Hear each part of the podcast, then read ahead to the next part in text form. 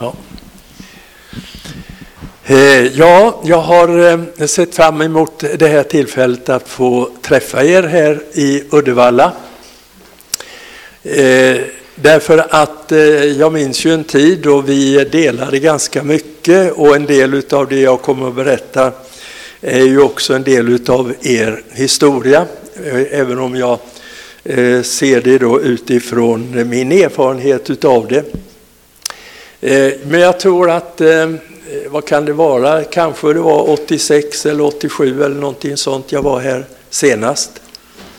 Eh, och, och det har hänt mycket i mitt liv och det har hänt mycket i ert liv sedan dess. Men det är ju så här, jag tänker på det här Jesus sa att min fader verkar ännu alltjämt. Det vill säga, Gud har alltid någonting på gång. Och eh, om vi är känsliga för den heliga Ande så kan vi eh, uppleva eh, hur vi kan ansluta oss till någonting som vi upplevde, upplever som en sån där rörelse i anden. Och min erfarenhet är att eh, när vi får nåd att göra det, då kommer vi själva in i ett meningsfullt process med våra egna liv. Och frukten av det är alltid någonting gott och någonting bestående. Eh, men eh, jag kanske bara, eftersom alla inte kan hela min historia, så kan, låt mig bara upprepa några saker. Jag är ju egentligen här från västkusten, jag är född eh, utanför Falkenberg. Och att Eh, Eh, mina föräldrar var där eh, fast de var smålänningar beror på att eh, de blev frälsta. Mamma är från Stockaryd, pappa är från Hok. Och när de var ganska nygifta så hade de ett schakteri och slakteri tillsammans i Hok. Och, men även om de hade i sin eh, familj en eh, kontakt naturligtvis med kyrkan och min morfar var med eh, i byggnadsnämnden för Stockaryds kyrka och har huggit stenen i stenmuren omkring kyrkogården där. Så att de var verkligen på ett sätt överlåtna till Gud. Men men under tiden de var ihop då så en dag, eh, eller de kom in i en andlig kris och en dag så var det en evangelist som eh, hade möten på platsen som kom in på schakteriet och, och eh, han frågade pappa så här, har Nilsson frid med Gud? sa han. Och pappa sa, nej det är det minsta jag har, sa han. För att de upplevde liksom att de var inne i en andlig kris. Men det ledde till att eh, den här evangelisten fick be för pappa och mamma eh, tog eh, samma steg sedan.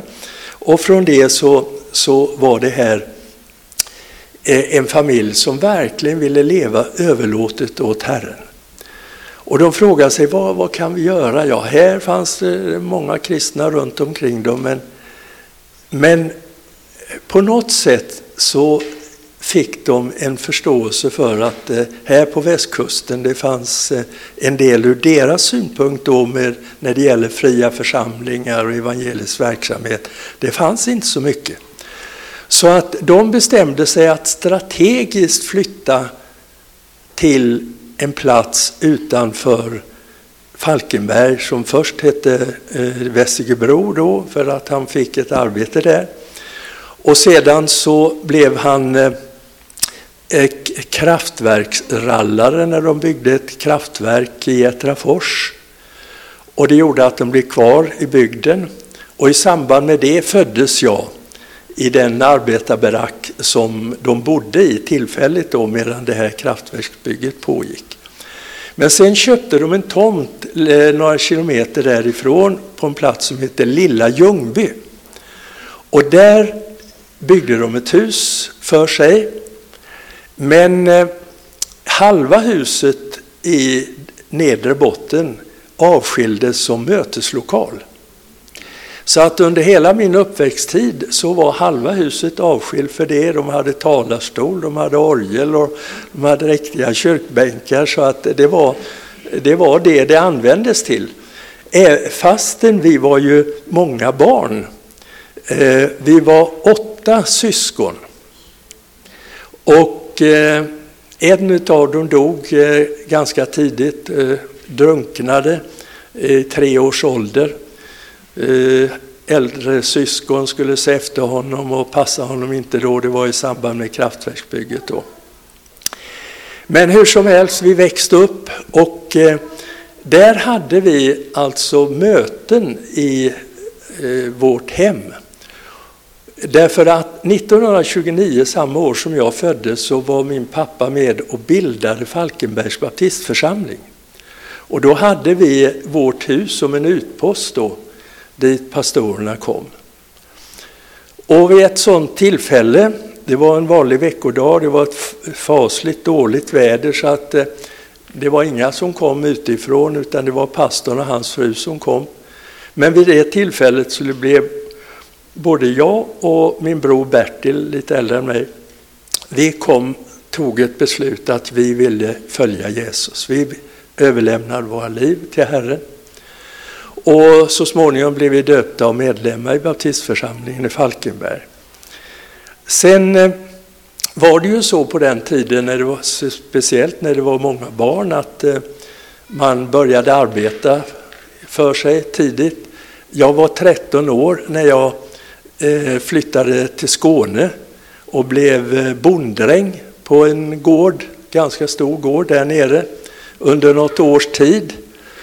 Och när jag sedan kom tillbaka så hade jag en del tillfälliga jobb och flyttade så småningom till Tranås där min farbror hade fiskhallen.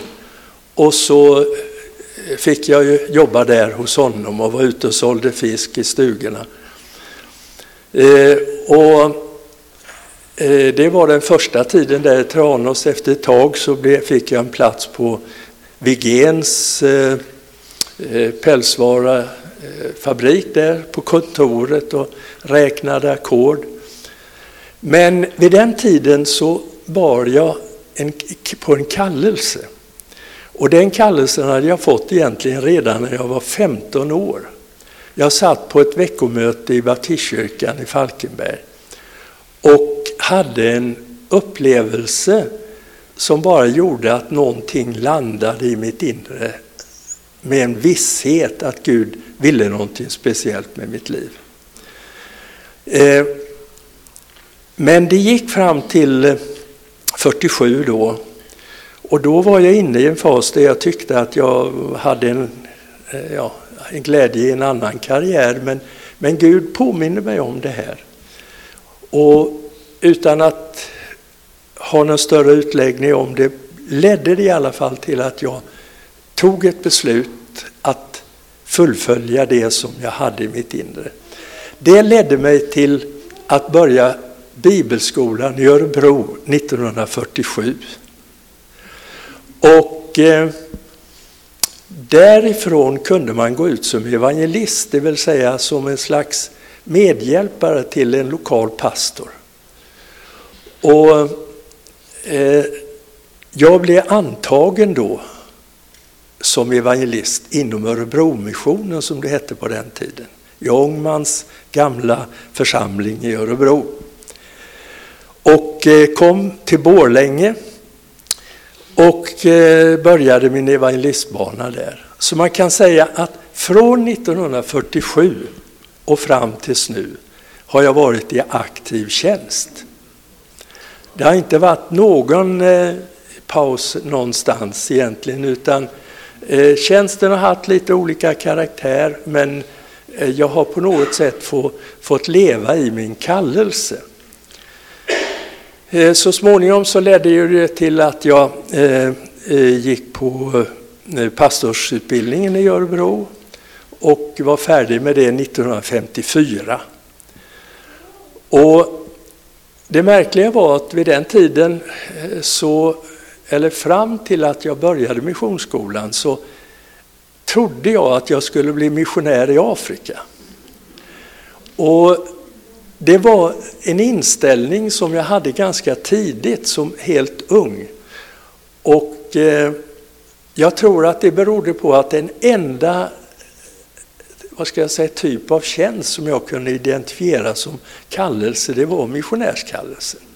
Därför att vi hade haft missionärer i söndagsskolan och som berättade och sådär. Men vid slutet av min utbildning på missionsskolan så var det som att Gud la om kursen och med en inriktning på Sverige och med ett församlingsarbete. Så började det. Jag var i Borlänge tillbaka då som eh, ungdomspastor i en församling. Eh, men ganska snart så eh, kallas jag in i en tjänst centralt i Örebromissionen för att bygga upp ungdomsarbetet i de lokala församlingarna. Så det arbetar jag med från 1956 till 62. Och reste i hela landet under den tiden. Eh, 62 så började jag ett arbete mer av ekumenisk art. Då flyttade vi till Stockholm. Jag jobbade på det som heter Frikyrkliga studieförbundet just när det var under uppbyggnad. Fram till dess så hade det varit bara som en garderob på eh, Tegnérgatan 8, Missionsförbundets eh, centrala eh, kontor. Men eh, eh, det året så fick vi en egna lokaler och vi började det här återuppbyggnaden. Eh, och eh, det var en väldigt spännande tid. Eh, jag arbetade med att skriva studieplaner och bearbeta studiematerial som kunde användas ute i församlingarna. Men samtidigt så blev jag ju engagerad i många andra sammanhang Eh, ekumeniskt som gjorde att jag eh, fick kontakt med frikyrkligheten i stort kan man säga. Och eh, eh, jag hade en tid då jag också var väldigt mycket inne i ett eh, rent politiskt arbete. Och då var det som ett liv, mitt liv eh, började ta en annan vändning. Jag tyckte att församlingen var ett för litet arbetsfält. Jag såg att det fanns andra saker som jag då tyckte var större och viktigare. Och, men hur det var så vände Gud det där och sa det anknöt till det, den här kallelsen som fanns i botten. Så att eh, jag gick tillbaka in i församlingsarbete. Först i eh, baptistförsamlingen i Motala.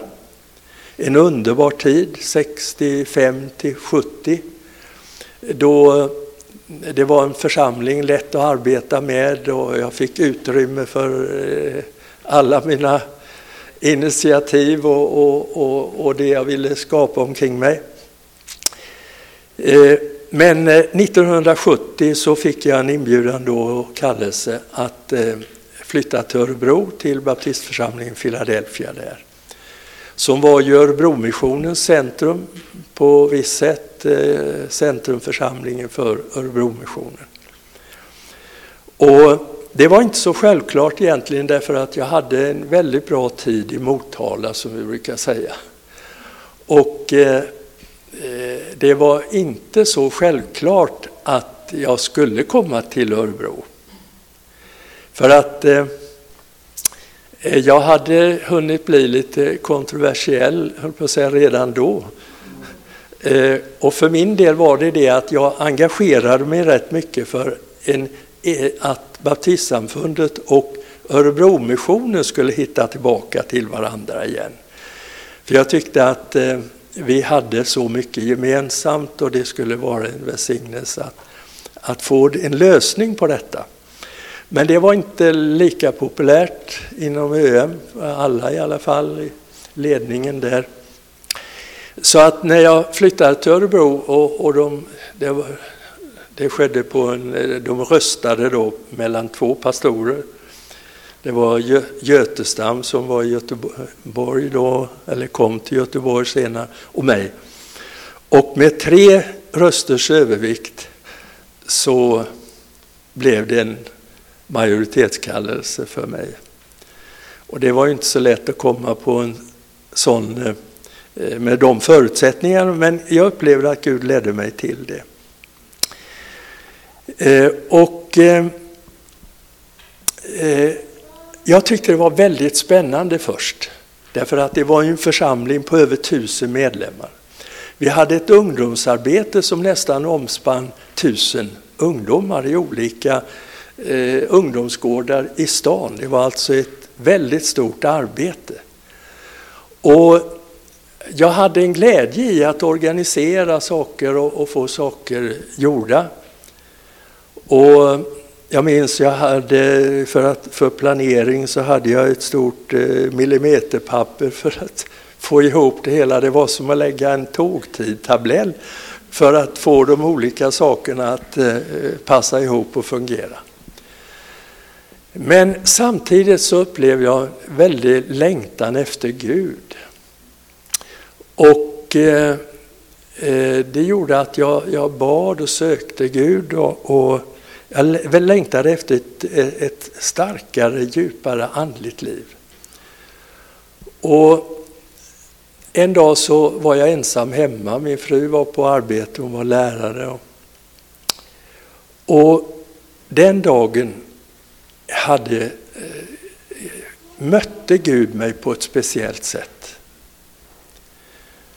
Och eh, det var som att eh, alla förutsättningar för mig förändrades.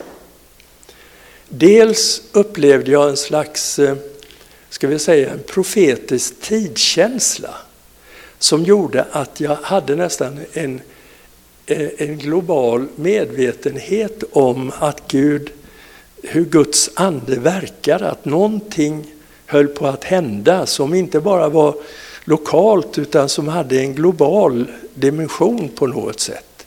Jag visste ju inte någonting om Jesusväckelsen eller karismatiska väckelsen eller någonting på det sättet informativt. Men jag upplevde att någonting speciellt var på gång.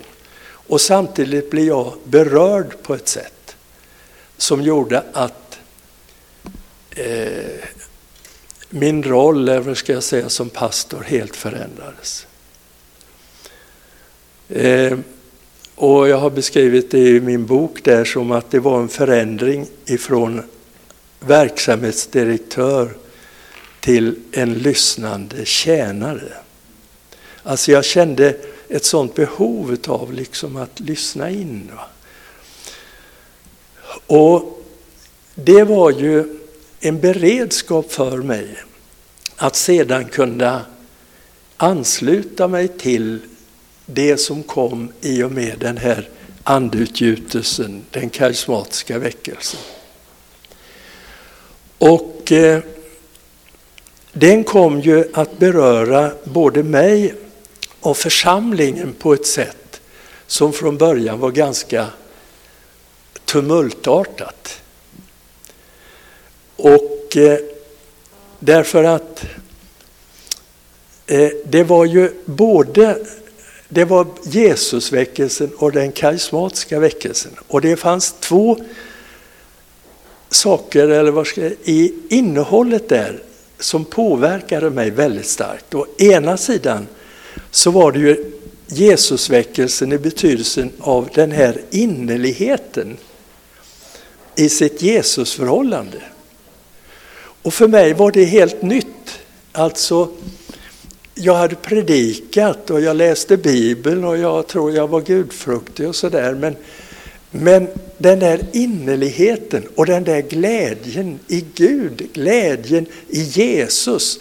Ungefär det där som Ylva beskrev att eh, eh, dricka Coca-Cola med Jesus vid frukostbordet. Va? Det, liksom, eh, eh, det, det var liksom innehållet i den här Jesusväckelsen. Och eh, jag minns vi hade en mötesserie där och jag skulle hitta på något bra tema för det där och det blev Jesus det bästa som kan hända dig. Det var liksom, det var summan av mitt liv där. Eh, och så kom den heliga ande och, och rörde om. Och eh, att leva med detta samtidigt som man skulle vara eh, pastor. Va? Det var inte alltid lätt. va? Därför att man var så själv en del utav allt det som hände att man inte riktigt fick styrning på det andra. Och för församlingen var det ju, de visste inte vad de skulle tro. Därför att de hade egentligen kast, kallat en helt annan pastor. Eh, och ja, vem var han nu? Eh, gudstjänsterna började öppnas, människor började dela sina vittnesbörd. Då. På eh, påskdagens morgon så tog jag med mig mitt munspel och inledde gudstjänsten med att spela munspel. Och lovsången började, började komma loss. Och vid ett tillfälle så minns jag att eh, jag tog eh, spetsen i en ringdans runt hela den här stora Philadelphia-kyrkan i Örebro. Om ni har varit där så vet ni hur det ser ut. Och när vi sen hade ett äldstemöte efter det där i veckan så, så sa de att ja, men så här kan vi inte ha det. Så. Men jag gladde mig ju. Jag var så uppriktigt glad. Och, och det var ju eh, i samband med den här eh, karismatiska väckelsen så förlöstes ju också eh, den här kärleksvågen. Va? Och vi tycker inte det är så konstigt ut att när vi ger varandra en kram och, och välsignar varandra.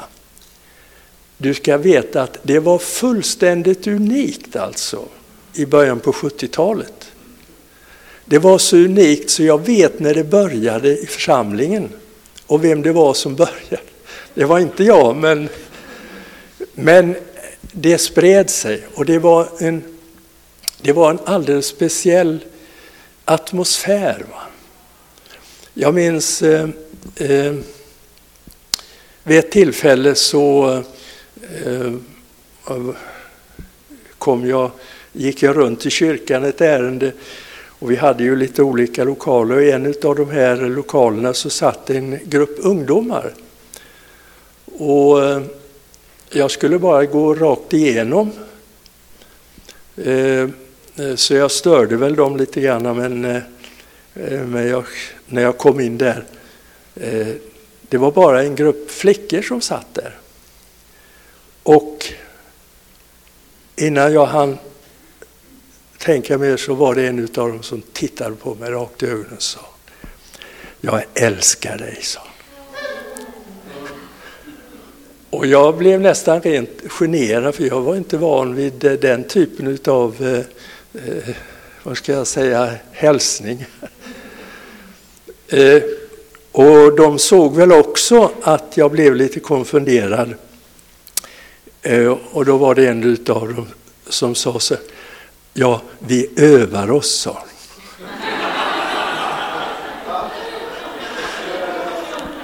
Alltså, det var den här atmosfären, va? att vi kunde möta varandra på det sättet. Det var helt märkligt alltså. Och för er som inte har den tidigare historien så kanske ni inte förstår hur, hur nytt detta var. Men eh, det förändrade ju mycket i församlingen så att eh, efter ett par år så var det ju, det blev ju nästan en kris. Va? För att det var, det var några som hade tagit emot det här och levde i det. Det var en, en, eh, en stor grupp i församlingen, men det höll på att bli två församlingar.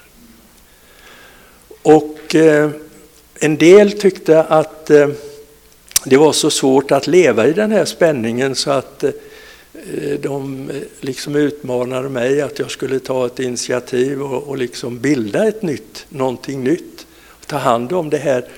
För det fanns ju en bönegruppsrörelse i stan också då. Det fanns väl hundra bönegrupper i Örebro. Och på något sätt så hade eh, de identifierat mig som, jag, jag, var öppen för det, jag besökte dem, jag försökte stödja dem på olika sätt. Då.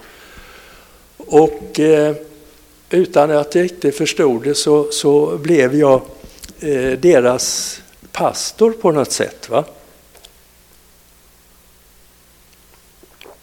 Och jag hade ingen avsikt med det, att liksom värva dem på något sätt, utan bara finnas till för dem. Och eh, eh, och då kom det till ett eh, eh avgörande.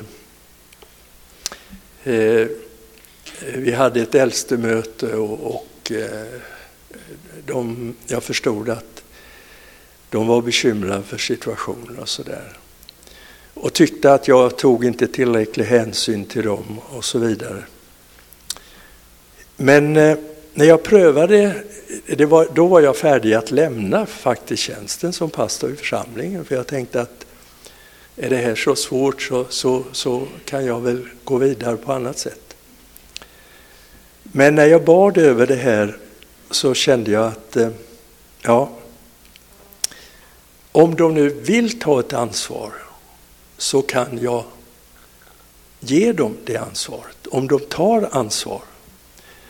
Så att jag valde där att eh, eh, lyssna och låta eh, de bröder, för det var huvudsakligen bröder då, eh, jag lyssnade till dem, vad de tyckte vi skulle ändra på och, och vad vi skulle lägga tonvikt vid. Och jag gjorde det inte så att säga som ett offer, va? utan jag gjorde det som att ge Gud ansvar för den här situationen. Och det gjorde att församlingen blev, ja, samlade ihop sig.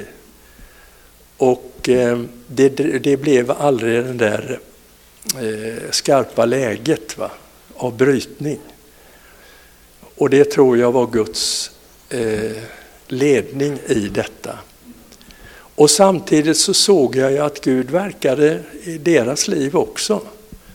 Så en av dem som kanske hade varit mina, min svåraste eh, motståndare i det här, han blev en av mina närmaste vänner. Därför att Gud gjorde någonting i hans liv också. Och eh, det blev ju inte då som jag hade hoppats alltså. Därför att vid ett tillfälle så fanns det ett läge av genombrott som skulle kunna ha präglat församlingens framtid på något sätt. Men eh, det fanns inte tillräckligt underlag kan man säga i församlingen för det. Utan eh, Ja, hur lever man det, med det då? För det var ju ändå några år till som jag var kvar.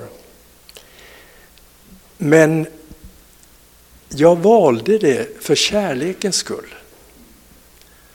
Därför att om det betydde någonting för dem och för stora delar av församlingen att vi gjorde den här, ska vi säga anpassningen, så kunde jag välja det Därför att jag älskar dem, därför att jag vet att Gud älskar alla sina barn. Och sen är det Gud som får, får liksom eh, ta över. Och i det sammanhanget så gjorde jag en upplevelse, en erfarenhet som har betytt mycket för mig fortsättningsvis. Och eh, det var faktiskt i samband med den här väckelsen som var på Frälsningsarmén som du vet i Örebro på den tiden. Eh, därför att de var starkt berörda utav eh, den karismatiska väckelsen och de hade väl inspirerats också utav utvecklingen i Stockholm på ett par kårer där uppe. Och de hade varit där, de hade blivit välsignade och fyllda med den heliga Ande. Och när de kom tillbaka då till kåren så, så ville de naturligtvis ha ett utrymme för det. Eh, och flera utav dem kände också att de ville låta döpa sig så att jag döpte väl kanske ett 30-tal av dem. Och eh, eh, efter ett tag så, så blev det ju ganska många som samlades omkring. Det fanns vissa ledare i den här gruppen. Och eh, de ville ha råd av mig hur de skulle göra, om de skulle bilda någonting nytt och sådär. Och när jag bad över det här så minns jag, jag, jag tror att det var en syn, eller om det var bara inre bilder, men det var, ett, det var mer än en bild, det var ett skeende som Gud visade mig. Och det var att jag såg att jag var som på Frälsningsarmén där. Och det var mycket folk. Allting pågick som det brukar göra. Man läste Guds ord, man bad, man sjöng. Och, och, och ja, det var ett, ett eh, härligt möte, eller ett möte. Men som jag såg det här så såg jag någonstans mitt i lokalen så såg jag Jesus. Och jag såg liksom hans ansikte, hans ansiktsuttryck. Och han, det var, jag uppfattade det som att det var ungefär så här. Han såg sig omkring. Och, och det var som han sökte ögonkontakt någonstans. Men det var ingen som var medveten om att han var där. Allting pågick som det brukade. Men så förändrades det hela. Jag såg att en av de som satt där upptäckte honom. Aha!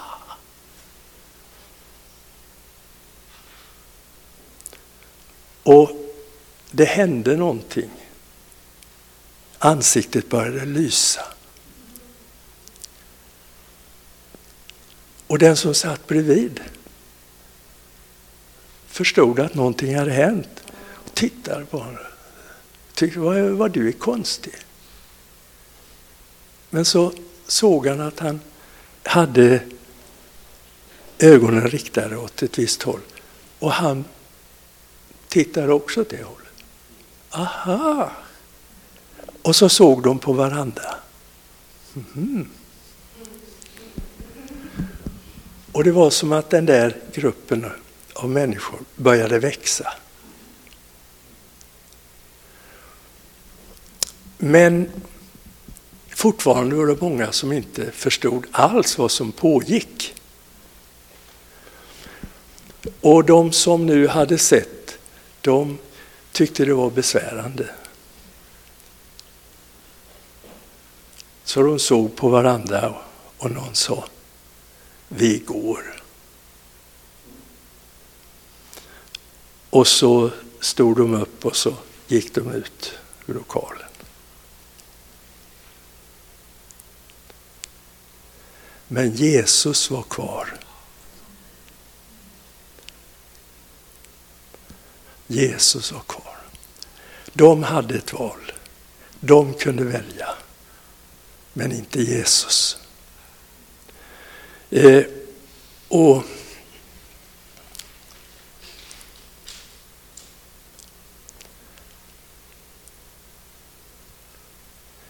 Det har betytt mycket för mig.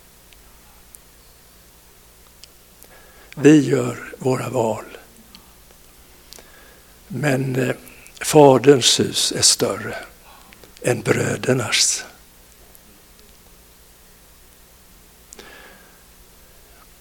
Och eh, jag tror att vi måste alltid ha det perspektivet. När vi ser på varandra. Vi kan vara begränsade i våra relationer beroende på sympati eller arbete eller teologiska särmeningar. Men Herren känner det sina. Och eh, det har eh, hjälpt mig att, att, eh, att eh, vad ska jag säga, både ha en övertygelse och lydnad i enlighet med det. Men samtidigt förstå att eh, eh Guds verk är så mycket större. Och vi är beroende utav varandra. Och så småningom så, så slutade jag ju då i församlingen 85. Och då var församlingen väl samlad. Men jag kände att någonting hade kunnat ske. Jag hade en vision för församlingen som jag kände inte hade brutit igenom. Och eh, det fick jag bara lämna åt Gud. Men 85 då, om jag ska ta det innan rasten här, för jag tänkte att jag tar den här tiden före rasten och är lite mer personlig så här. Därför att vägen jag beskriver är ju samtidigt någonting som ni lite var har varit berörda utav. Ni har känt eh, något av detsamma och det är många som har gjort det. Men 85 slutade jag då. Det var bara det att jag fick en... Eh, vi hade en stark tid i församlingen. Många hade kommit till tro och döpta och, och, och församlingen ökade. Men jag bara kände min tid är slut här. Och när jag prövade med min hustru så kände hon likadant. Och då hade vi redan haft en viss kontakt med Västanås en eh, böneplats som tidigare varit ett rehab på 60-talet. Och eh, nu, eh, ja, man visste inte vad man skulle göra med platsen. Men jag kände att eh, jag skulle, vi skulle flytta dit ut. Och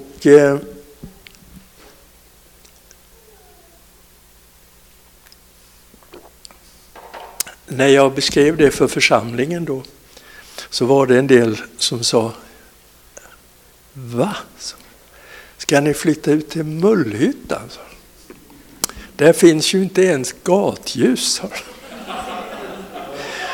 Nej, det var det minsta. För därför att det var inte bara i själva samhället utan Västanås låg ju i anslutning till en bondgård utanför samhället.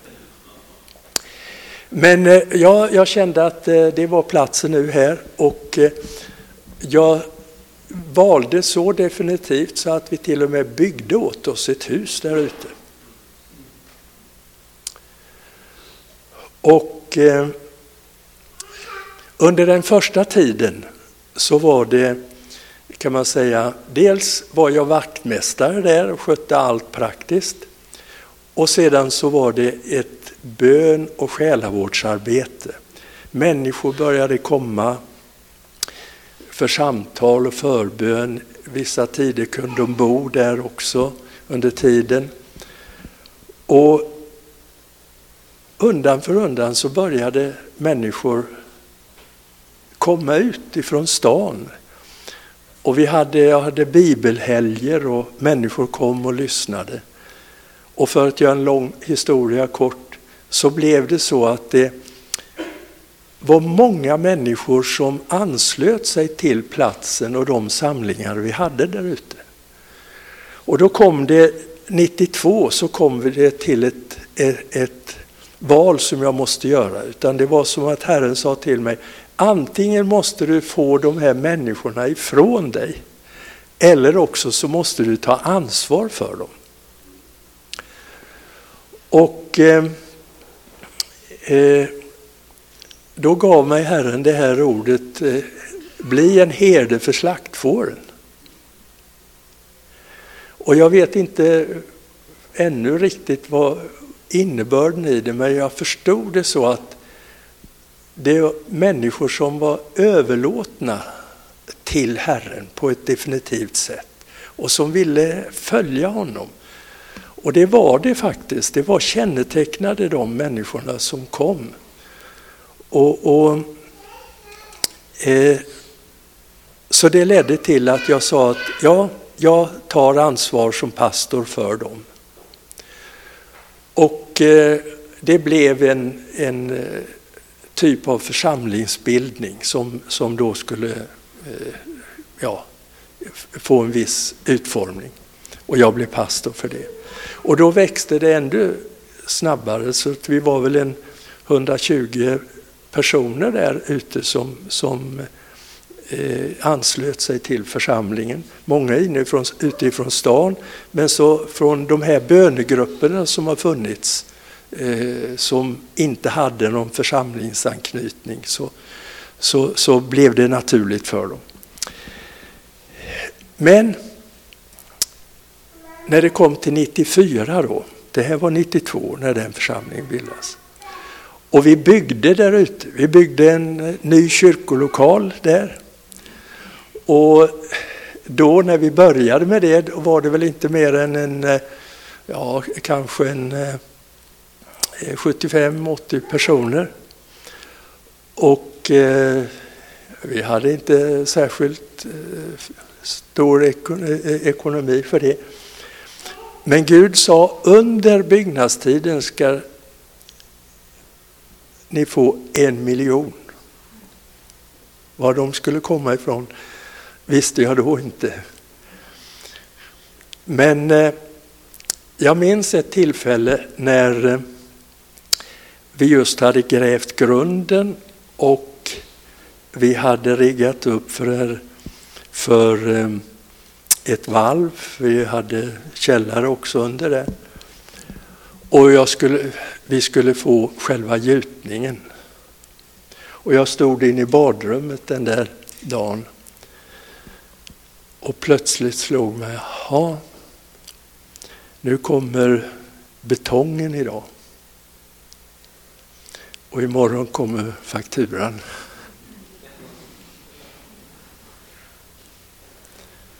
Hur ska vi klara detta? Och som jag stod där framför spegeln så fick jag en tanke. Tänk om jag dör nu? Och det var en behaglig känsla. För jag tänkte,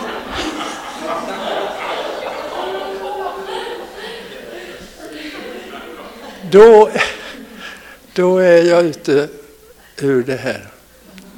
Tänk om jag dör. Och lika snabbt som den tanken kom så kom nästa. Ja, men du är ju död.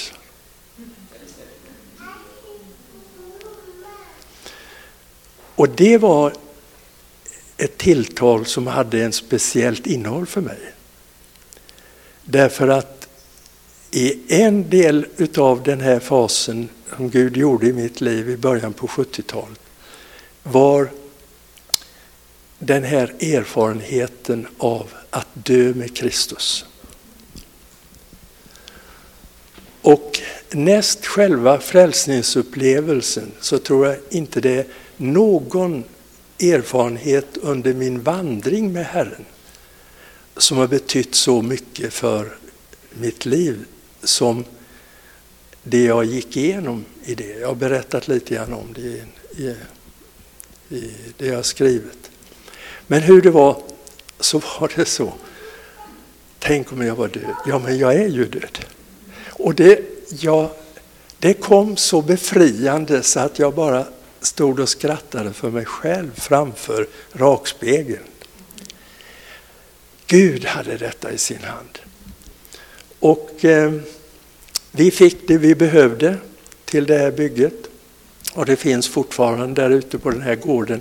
Därför att det är vår församlingsgård nu kopplat till vår församling inne i stan, Kristi Center.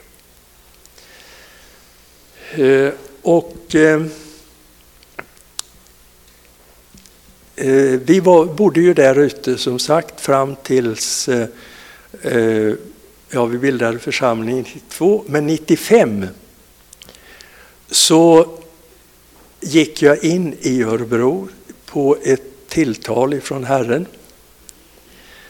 Och tillsammans med en annan församling inne i Örebro, som då hette Nytt Liv, så bildade vi det som nu är Kristet Center.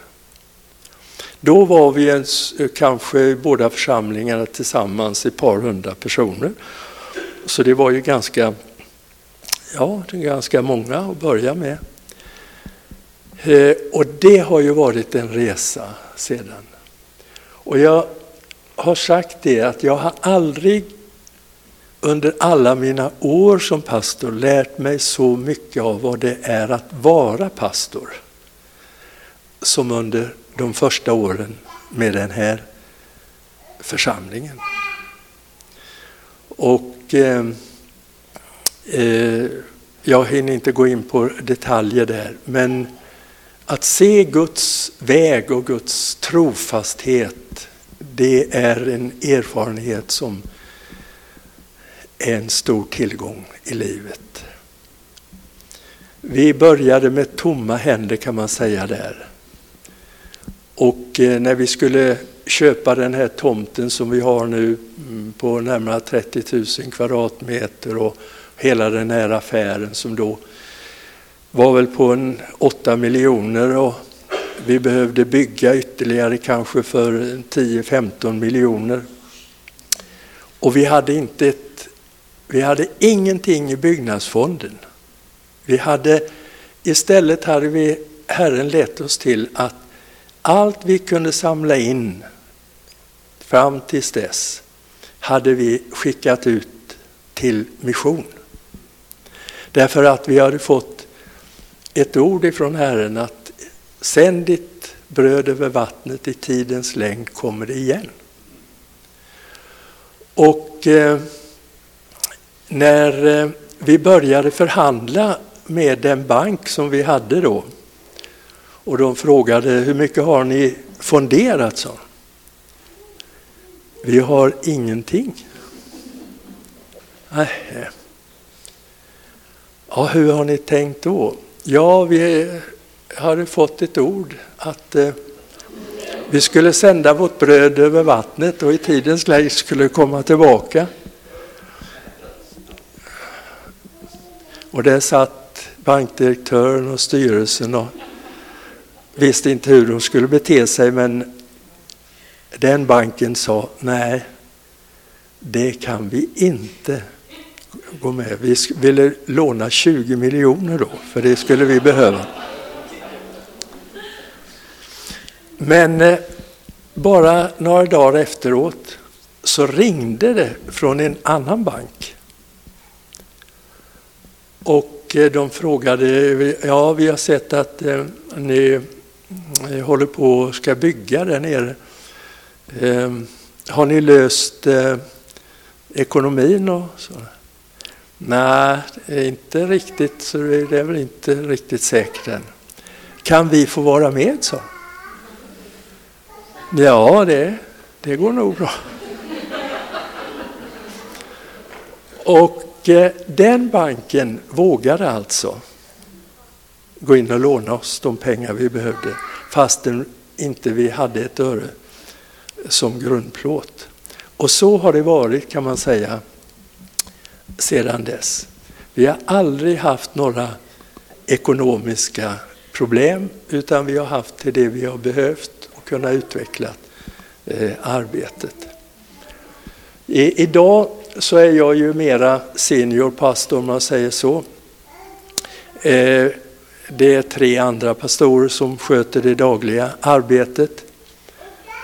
Och eh, Eh, när jag gick hem ifrån ett bönemöte för, det är väl drygt år sedan, eh, så upplevde jag Herrens tilltal på ett väldigt påtagligt sätt som jag har lärt mig känna igen. Och jag upplevde att Herren sa, från och med nu så är Solveig din kallelse.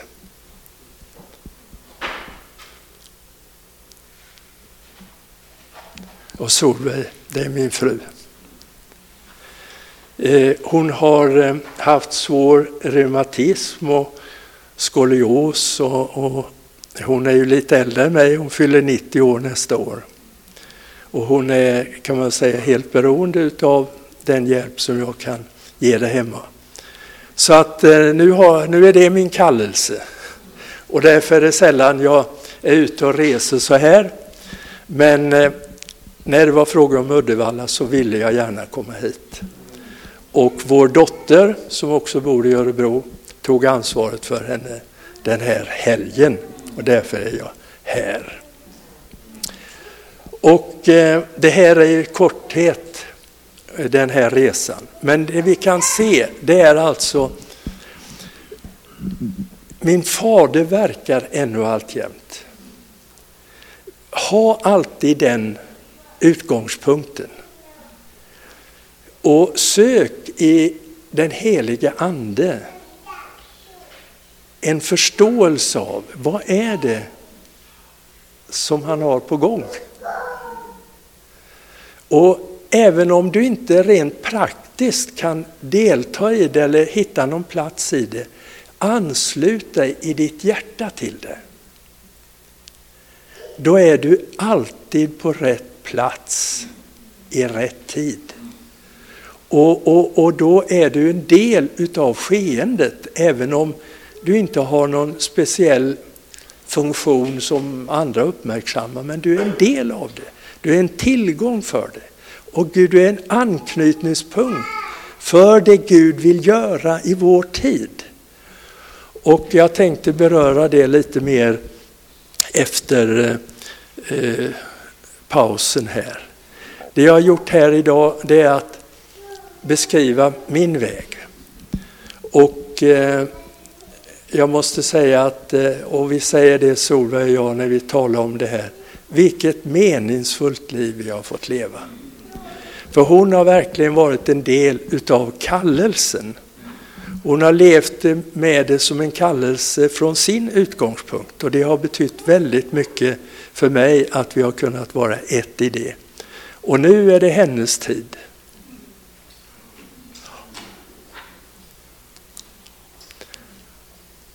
Och jag tycker Herren är så stor. Ja. Han har en sån omsorg om varje människa. Och, och Det gör ju att, att jag kan leva i den här tiden och i det här arbetet med glädje. Därför att det här är lika viktigt idag som när jag var pastor i Philadelphia. Det är min kallelse nu. Och ja, och jag tycker att Gud är så stor i detta. Ska vi tacka Herren.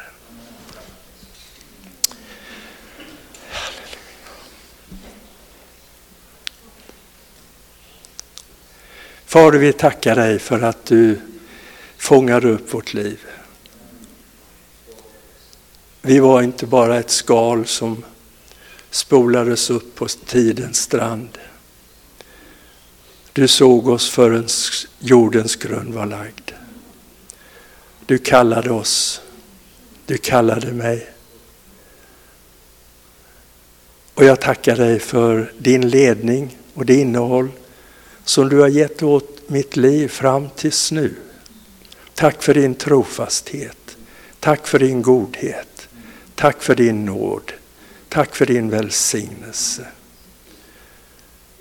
Och jag ber Herre att jag alltid ska kunna, så länge jag lever, vara en känslighet för vad du vill och vad är kopplat till mitt liv.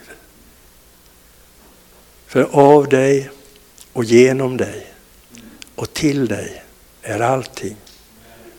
Lovat vare ditt namn i evigheternas evighet. Amen.